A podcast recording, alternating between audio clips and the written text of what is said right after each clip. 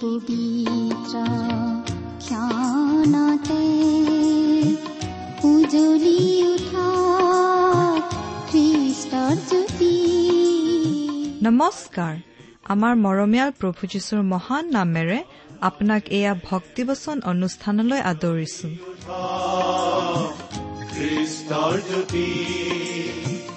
আকাশ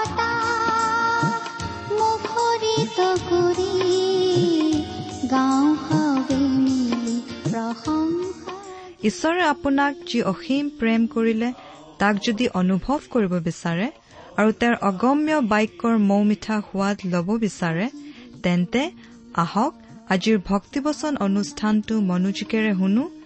এয়া আপোনালৈ আগবঢ়াইছো ঈশ্বৰৰ জীৱন্ত বাক্যৰ অনুষ্ঠান ভক্তিবচন।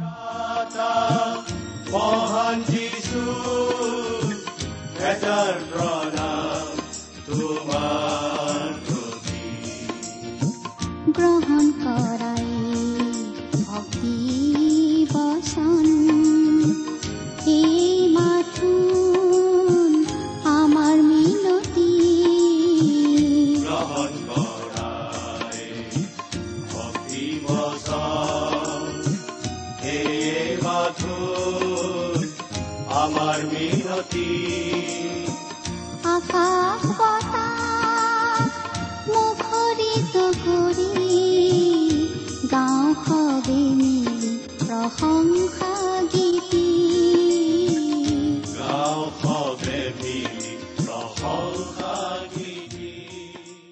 আমাৰ পৰম পবিত্ৰ প্ৰভু যীশুখ্ৰীষ্টৰ নামত নমস্কাৰ প্ৰিয় শ্ৰোতা। আশা কৰো মহান পিতা পৰমেশ্বৰৰ মহান অনুগ্ৰহত আপুনি ভালে কুশলে আছে। লগতে এই বুলিও আশা কৰিছো যে আপুনি আমাৰ এই ভক্তিবচন অনুষ্ঠানটো নিয়মিতভাৱে শুনি আছে। প্ৰিয় শ্ৰোতা এই অনুষ্ঠান শুনি আপুনি কেনে পাইছে আমালৈ চিঠি লিখি জনাবচোন। আপোনালোকৰ পৰা চিঠি পত্ৰ পাবলৈ আমি আগ্ৰহেৰে বাট চাওঁ। আমাৰ যোগাযোগৰ ঠিকনাটো হয়তো আপোনাৰ মনত আছে তথাপি আকৌ এবাৰ কৈ দিছো। ভক্তিবচন টি ডাব্লিউ আৰ ইণ্ডিয়া ডাক বাকচ নম্বৰ সাত শূন্য গুৱাহাটী সাত আঠ এক শূন্য শূন্য এক। ঠিকনাটো আৰু এবাৰ কৈছো ভক্তিবচন টি ডাব্লিউ আৰ ইণ্ডিয়া ডাক বাকচ নম্বৰ সাত শূন্য গুৱাহাটী সাত আঠ এক শূন্য শূন্য এক।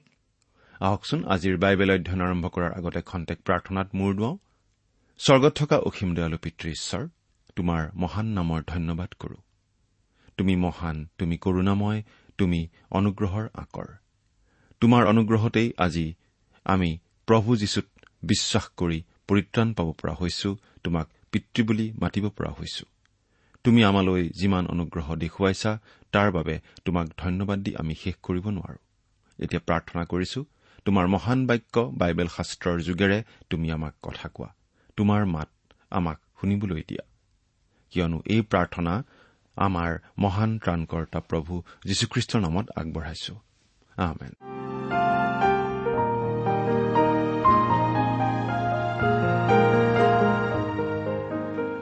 প্ৰিয় শ্ৰোতা আমি আজি কিছুদিনৰ পৰা বাইবেলৰ নতুন নিয়ম খণ্ডৰ ইব্ৰীবিলাকৰ প্ৰতি পত্ৰ নামৰ পুস্তকখন অধ্যয়ন কৰি আছো। নহয় জানো? আপুনি আমাৰ আগৰ অনুষ্ঠানটো শুনিছিল নে বাৰু? যোৱা অনুষ্ঠানত আমি এই ইব্ৰী পুস্তকখনৰ এক নম্বৰ অধ্যায়ৰ সাত নম্বৰ পদলৈকে পঢ়ি আলোচনা আগবঢ়াইছিলো নহয়নে বাৰু? গতিকে আজিৰ অনুষ্ঠানত আমি এই ইব্ৰী পুস্তকখনৰ এক নম্বৰ অধ্যায়ৰ আঠ নম্বৰ পদৰ পৰা আলোচনা আৰম্ভ কৰিব খুজিছো। আমি এটা বিশেষ কথা পাই আছো সেইটো হৈছে প্ৰভু যীশুখ্ৰীষ্টৰ শ্ৰেষ্ঠত্বৰ কথা। প্ৰভু যীশুখ্ৰীষ্ট পূৰ্বকালৰ ভাৱবাদীসকলতকৈ শ্ৰেষ্ঠ আৰু স্বৰ্গদূতবোৰতকৈও তেওঁ শ্ৰেষ্ঠ। এতিয়া বাইবেলৰ পৰা পাঠ কৰি দিম। ইব্ৰী এক নম্বৰ অধ্যায়ৰ আঠ আৰু ন নম্বৰ পদ। আপোনাৰ লগত যদি বাইবেল আছে অনুগ্ৰহ কৰি চাই যাব আৰু যদিহে বাইবেল নাই অনুগ্ৰহ কৰি মন দি শুনিব। ইব্ৰী এক নম্বৰ অধ্যায়ৰ আঠ আৰু ন নম্বৰ পদ। ইয়াত এনেদৰে লিখা আছে কিন্তু পুত্ৰৰ উদ্দেশ্যে হলে কয় হে ঈশ্বৰ তোমাৰ সিংহাসন সদাকাল স্থায়ী তোমাৰ ৰাজদণ্ড সৰলতাৰ দণ্ড।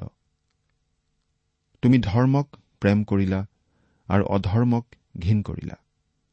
এইকাৰণে ঈশ্বৰে তোমাৰ ঈশ্বৰে তোমাৰ সংগীবিলাকতকৈ তোমাক অধিক আমোদৰূপ তেলেৰে অভিষিক্ত কৰিলে। আচলতে এই পদকেইটা গীতমালা পঞ্চল্লিছ নম্বৰ গীতৰ ছয় আৰু সাত নম্বৰ পদ দুটাৰ পৰা উদ্ধৃত কৰা হৈছে। গতিকে আমি এই কথাটো বুজি পাওঁ যে এই পঞ্চল্লিছ নম্বৰ গীতটো খ্ৰীষ্টৰ বিষয়ে ভৱিষ্যৎবাণী কৰা এটা গুৰুত্বপূৰ্ণ গীত। গীতমালাৰ পঞ্চল্লিছ নম্বৰ গীতটোৱে আমাক জনায় যে ডায়ুদৰ বংশত এজনা আহি আছে যিজনে ধাৰ্মিকতাৰে শাসন চলাব। ভৱিষ্যতৰ এই আশাৰ কথা ভাবি ডায়ুদ ৰজা ইমান উল্লাসিত হৈ পৰিছিল যে তেওঁ এই বুলি কৈছিল মোৰ মন শুভ কথাৰে উপচি পৰিছে। মই ৰজাৰ বিষয়ে ৰচনা কৰা কথা বৰ্ণাইছো। মোৰ জীৱা বেগী লিখকৰ কলমৰ নিচিনা। গীতমালা পঞ্চল্লিছ নম্বৰ গীতৰ এক নম্বৰ পদ। অৰ্থাৎ ডায়ুদে এই বুলি কৈছে মই এই কথাখিনি যিমান ভালদৰে লিখিব পাৰো তাতকৈ বেছি ভালদৰে মুখেৰে কবহে পাৰো। ইব্ৰীপত্ৰৰ লিখকৰ মতে এই আহিবলগীয়াজনাই হৈছে প্ৰভু যীশুখ্ৰীষ্ট। তেওঁৱেই ধাৰ্মিকতাৰে শাসন চলাব। এই পৃথিৱী শাসন কৰাৰ অধিকাৰ কোনো স্বৰ্গদূতকেই ঈশ্বৰে দিয়া নাই। তুমি ধৰ্মক প্ৰেম কৰিলা আৰু অধৰ্মক ঘীন কৰিলা। এইটো অতি আকৰ্ষণীয় মন্তব্য। আমাৰ এই পুৰণি পৃথিৱীখন এনে এজনা লোকে শাসন কৰাৰ কথাটো কল্পনা কৰি চাওকচোন। যিজনে ধাৰ্মিকতাকহে প্ৰেম কৰে যিজনে অধাৰ্মিকতাক ঘীন কৰে। হে ঈশ্বৰ তোমাৰ সিংহাসন সদাকাললৈকে স্থায়ী। ইয়াত পিতৃ ঈশ্বৰে পুত্ৰ ঈশ্বৰক ঈশ্বৰ বুলি সম্বোধন কৰা আমি দেখিছো। খ্ৰীষ্ট যে মানুহ ৰূপত অহা ঈশ্বৰ সেই কথাটো আপুনি বাৰু অস্বীকাৰ কৰিব খোজে নেকি? যদিহে আপুনি তেনে বুলি কয় তেনেহলে আমি আপোনাক ক'ব খোজো যে আপুনি ঈশ্বৰৰ কথাৰ বিপৰীতে কথা কোৱাহে হ'ব। ঈশ্বৰে প্ৰভু যীশুখ্ৰীষ্টক ঈশ্বৰ বুলি কৈছিল। তেনেহলে আপুনিনো প্ৰভু যীশুক কোন বুলি ক'ব? আমি আপোনাৰ কথা হলে নাজানো কিন্তু আমি হলে প্ৰভু যীশুখ্ৰীষ্টক ঈশ্বৰ বুলিয়েই ক'ম। তেওঁ হৈছে মানুহ ৰূপত অহা ঈশ্বৰ। তেওঁ স্বৰ্গদূতবোৰতকৈ শ্ৰেষ্ঠ। কাৰণ তেওঁৱেই এই বিশ্বব্ৰহ্মাণ্ডখনত শাসন চলাব। তেওঁৱেই মচিহ তেওঁৱেই ৰজাৰো ৰজা প্ৰভুৰো প্ৰভু আৰু তেওঁৱেই এদিন এই পৃথিৱীটো শাসন চলাবহি। এতিয়া দহৰ পৰা বাৰ নম্বৰ পদলৈকে পাঠ কৰি দিম।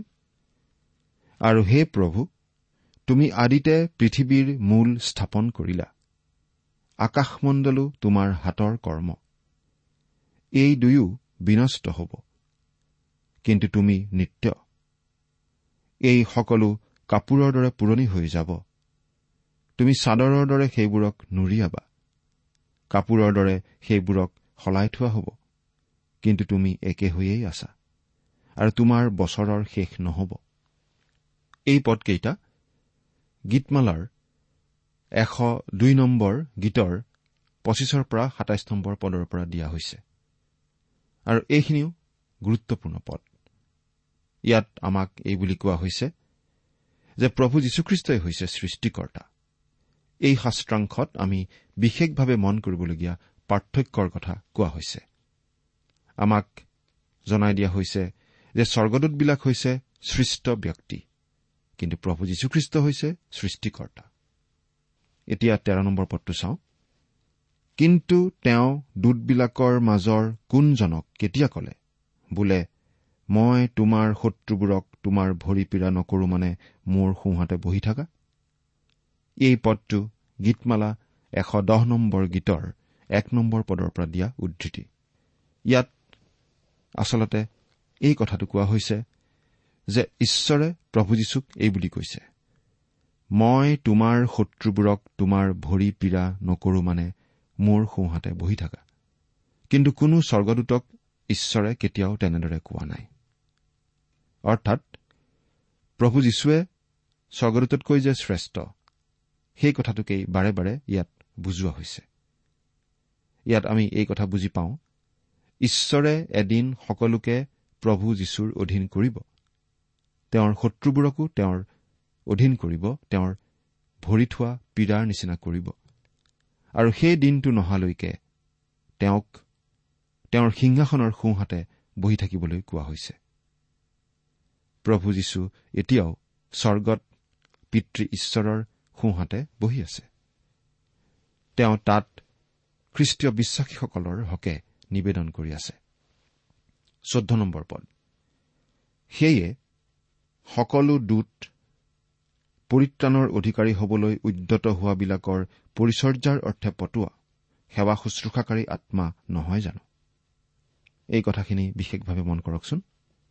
সকলো দূত পৰিত্ৰাণৰ অধিকাৰী হবলৈ উদ্যত হোৱাবিলাকৰ পৰিচৰ্যাৰ অৰ্থে পঠোৱা সেৱা শুশ্ৰূষাকাৰী আত্মা। স্বৰ্গদূতবিলাক পৰিচৰ্যাকাৰী। স্বৰ্গদূতবিলাক আচলতে সেৱক। পৰিত্ৰাণৰ অধিকাৰী হবলৈ উদ্যত হোৱাবিলাকৰ পৰিচৰ্যা কৰিবলৈ স্বৰ্গদূতসকলক পঠোৱা হয়। আনহাতে প্ৰভু যীশুৱে স্বৰ্গদূত আৰু মানুহ সকলোৰে পৰা সেৱা উপাসনা গ্ৰহণ কৰে। কিন্তু স্বৰ্গদূতবোৰে আচলতে পৰিচৰ্যা সেৱা আগবঢ়ায়। গতিকে প্ৰভু যীশুখ্ৰীষ্ট স্বয়ং ঈশ্বৰ। তেওঁ স্বৰ্গদূতসকলতকৈ শ্ৰেষ্ঠ। এতিয়া আমি এই ইব্ৰী পত্ৰখনৰ দুই নম্বৰ অধ্যায়টো চাব খুজিছো। প্ৰথমটো অধ্যায়ত প্ৰভু যীশুখ্ৰীষ্টৰ উচ্চ মৰ্যাদাৰ কথা আমাক কোৱা হ'ল। তেওঁ যে স্বৰ্গদূতসকলতকৈ শ্ৰেষ্ঠ তেওঁ যে ভাৱবাদীসকলতকৈ শ্ৰেষ্ঠ তাৰ সপক্ষে বহুতো যুক্তি আমাৰ আগত দাঙি ধৰা হ'ল।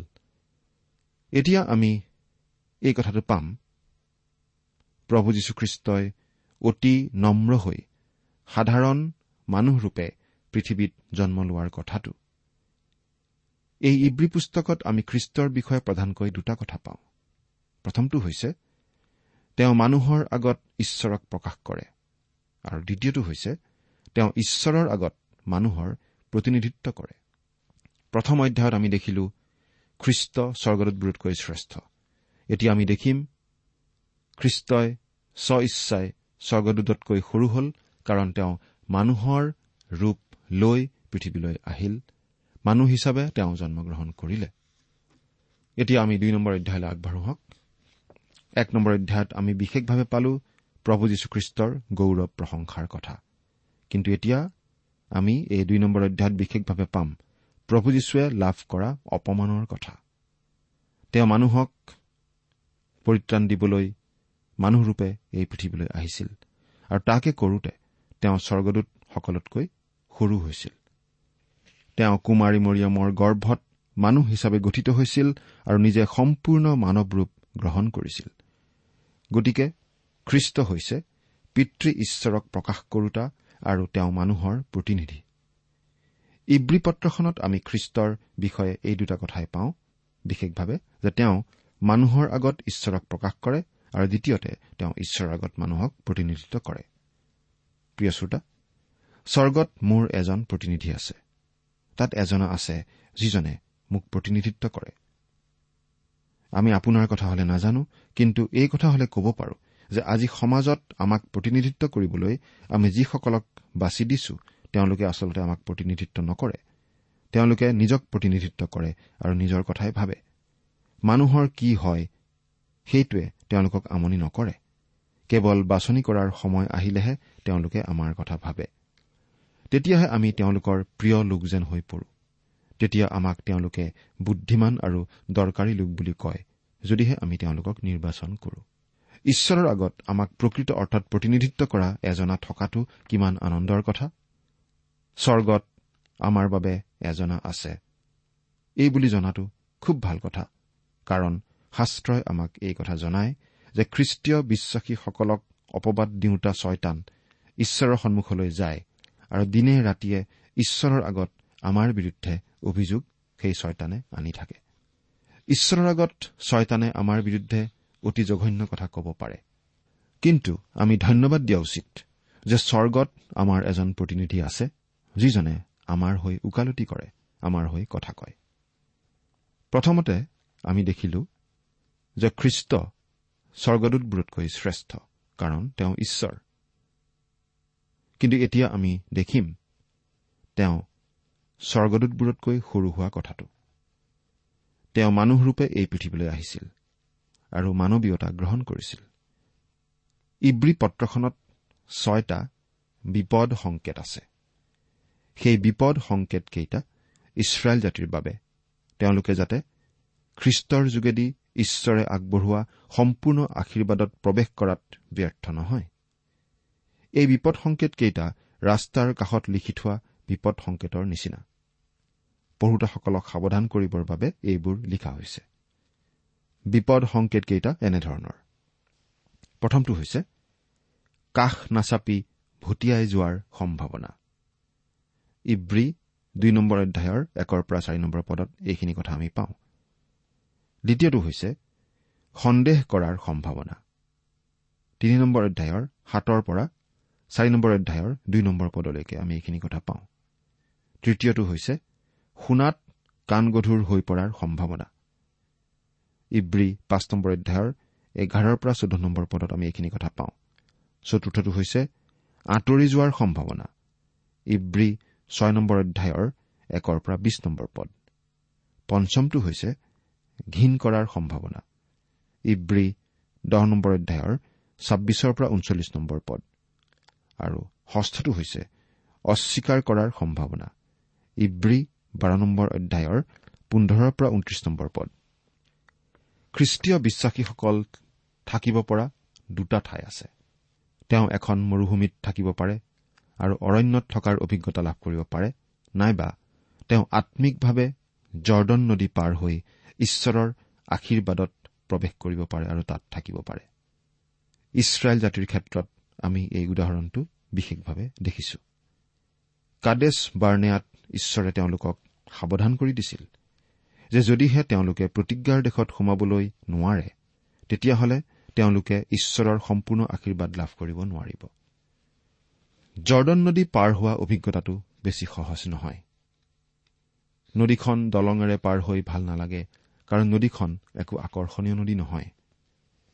কিন্তু আম্মিকভাৱে আমি জৰ্দন নদী পাৰ হ'ব পাৰো। প্ৰভু যীশুখ্ৰীষ্টত বিশ্বাস স্থাপন কৰি। খ্ৰীষ্টৰ মৃত্যু আৰু পুনৰুত্থানৰ যোগেদি আমি আম্মিক জৰ্দন নদী পাৰ হ'ব পাৰো। অৰ্থাৎ খ্ৰীষ্টীয় বিশ্বাসীজন বাপ্তিস্মৰ যোগেদি খ্ৰীষ্টৰ সৈতে কবৰস্থ হয় আৰু তেওঁৰে সৈতে পুনৰুত্থিত হয় নতুন জীৱনলৈ। খ্ৰীষ্টীয় বিশ্বাসী এজনে জৰ্দন নদী পাৰ হোৱাৰ অৰ্থ আচলতে এয়েই। যীহুচুৱাই ইছৰাইল জাতিৰ লোকসকলক জৰ্দন নদী পাৰ কৰাই নিছিল কিন্তু খ্ৰীষ্টই আম্মিকভাৱে জৰ্দন নদী আমাক পাৰ কৰায় তেওঁত বিশ্বাস কৰা প্ৰতিজন লোকক জীৱনৰ নতুনত্বলৈ তেওঁ পাৰ কৰাই নিয়ে। আমি ইয়াত যিমানবোৰ সাৱধানবাণীৰ কথা পাম সেইবোৰ আচলতে আমি প্ৰতিজন খ্ৰীষ্টীয় বিশ্বাসীৰ বাবেই। আমি সেই কথাটো মনত ৰখা উচিত। এতিয়া পাঠ কৰি দিম দুই নম্বৰ অধ্যায়ৰ এক নম্বৰ পদটো। ইব্ৰী দুই নম্বৰ অধ্যায় এক নম্বৰ পদ।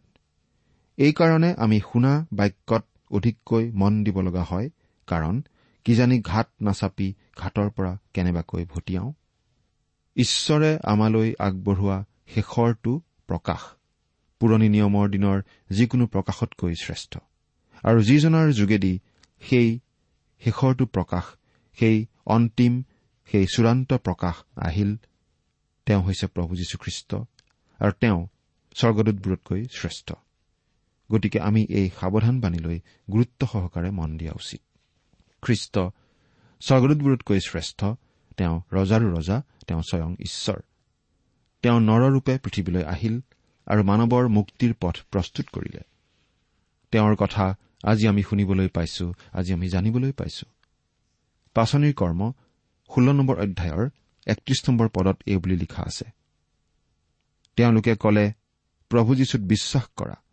তেহে তুমি আৰু তোমাৰ ঘৰৰ সকলোৱে পৰিত্ৰাণ পাবা। প্ৰভু যীশুত বিশ্বাস কৰা। তেহে তুমি আৰু তোমাৰ ঘৰৰ সকলোৱে পৰিত্ৰাণ পাবা। সেই সকলো কথা আমি অতি মন দি গুৰুত্ব দি শুনা উচিত। নহলে কি জানিবা ঘাট নাচাপি ভটিয়াই যাওঁ।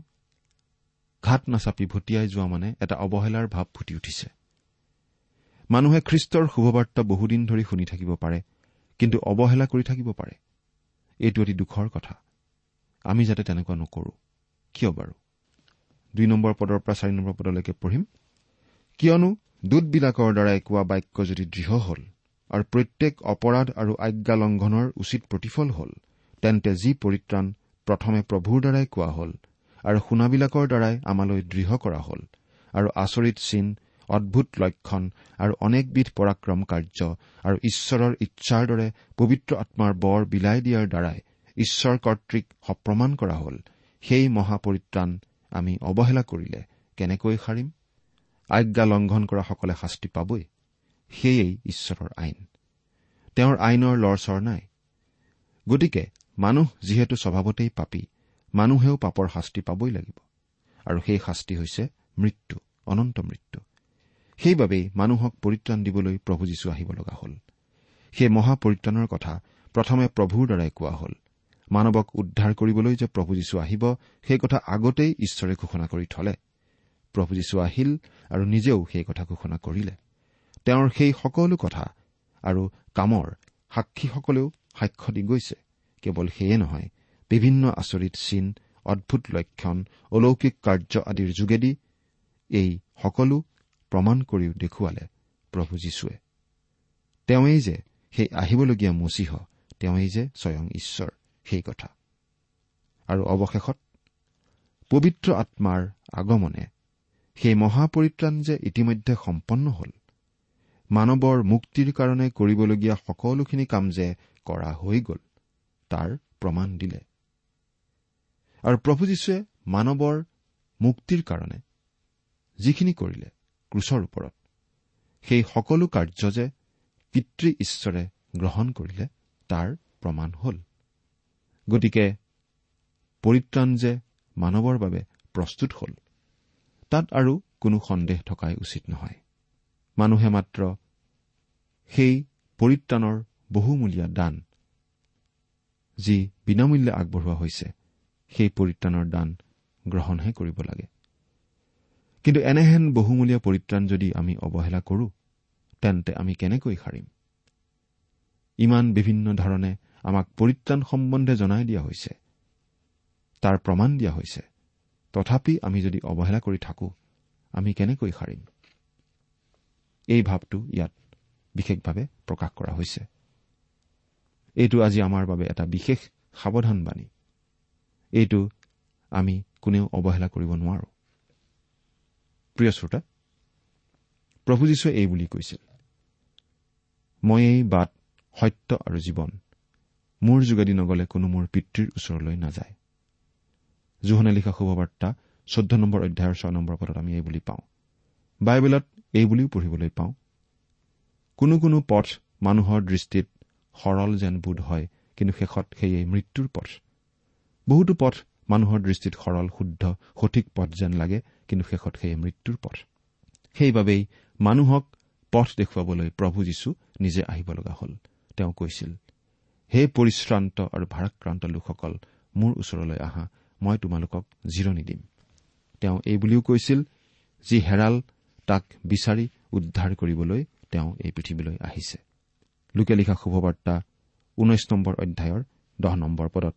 এই বুলি পাওঁ কাৰণ যি হেৰাল তাক বিচাৰি ৰক্ষা কৰিবলৈ মানুহৰ পুত্ৰ আহিল। অৰ্থাৎ হেৰাই থকা সকলো লোকক সকলো মানৱক বিচাৰি ৰক্ষা কৰিবলৈ প্ৰভু যীশু মানুহৰ পুত্ৰ হিচাপে এই পৃথিৱীলৈ আহিল। প্ৰিয় শ্ৰোতা প্ৰভু যীশুৰ যোগেদি এনেদৰে আমালৈ আমাৰ সকলোলৈকে যি পৰিত্ৰাণ ঈশ্বৰে আগবঢ়াইছে তাৰ কথা আমাক এনেদৰে বাৰে বাৰে জনাই দিয়া হৈছে আমাৰ আগত ঘোষণা কৰি দিয়া হৈছে। এই সকলো গুৰুত্বপূৰ্ণ কথা শুনাৰ পাছতো আমি বাৰু অৱহেলা কৰি থকা উচিত নে? চিন্তা কৰি চাওকচোন। ঈশ্বৰে আপোনাক আশীৰ্বাদ কৰক।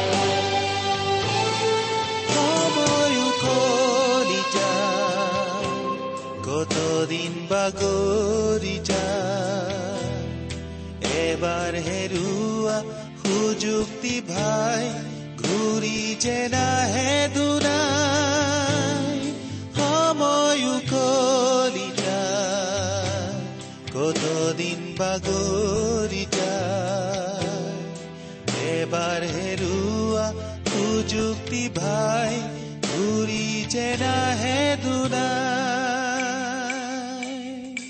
এই যে জীৱন দুদিনীয়া আজি আছে কাইলৈ নাই ইমান পৰে আপুনি ভক্তিবচন অনুষ্ঠানটি শুনিলে। অনুষ্ঠানটি শুনি কেনে পালে? আমালৈ চিঠি লিখি জনাবচোন।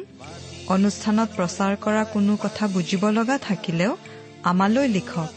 আমাৰ ঠিকনা ভক্তিবচন টি ডাব্লিউ আৰ ইণ্ডিয়া। ডাক পাকচ নম্বৰ সাত শূন্য গুৱাহাটী সাত আঠ এক শূন্য শূন্য এক। ঠিকনাটো আৰু এবাৰ কৈছো ভক্তিবচন টি ডাব্লিউ আৰ ইণ্ডিয়া। ডাক পাকচ নম্বৰ সাত শূন্য গুৱাহাটী সাত আঠ এক শূন্য শূন্য এক।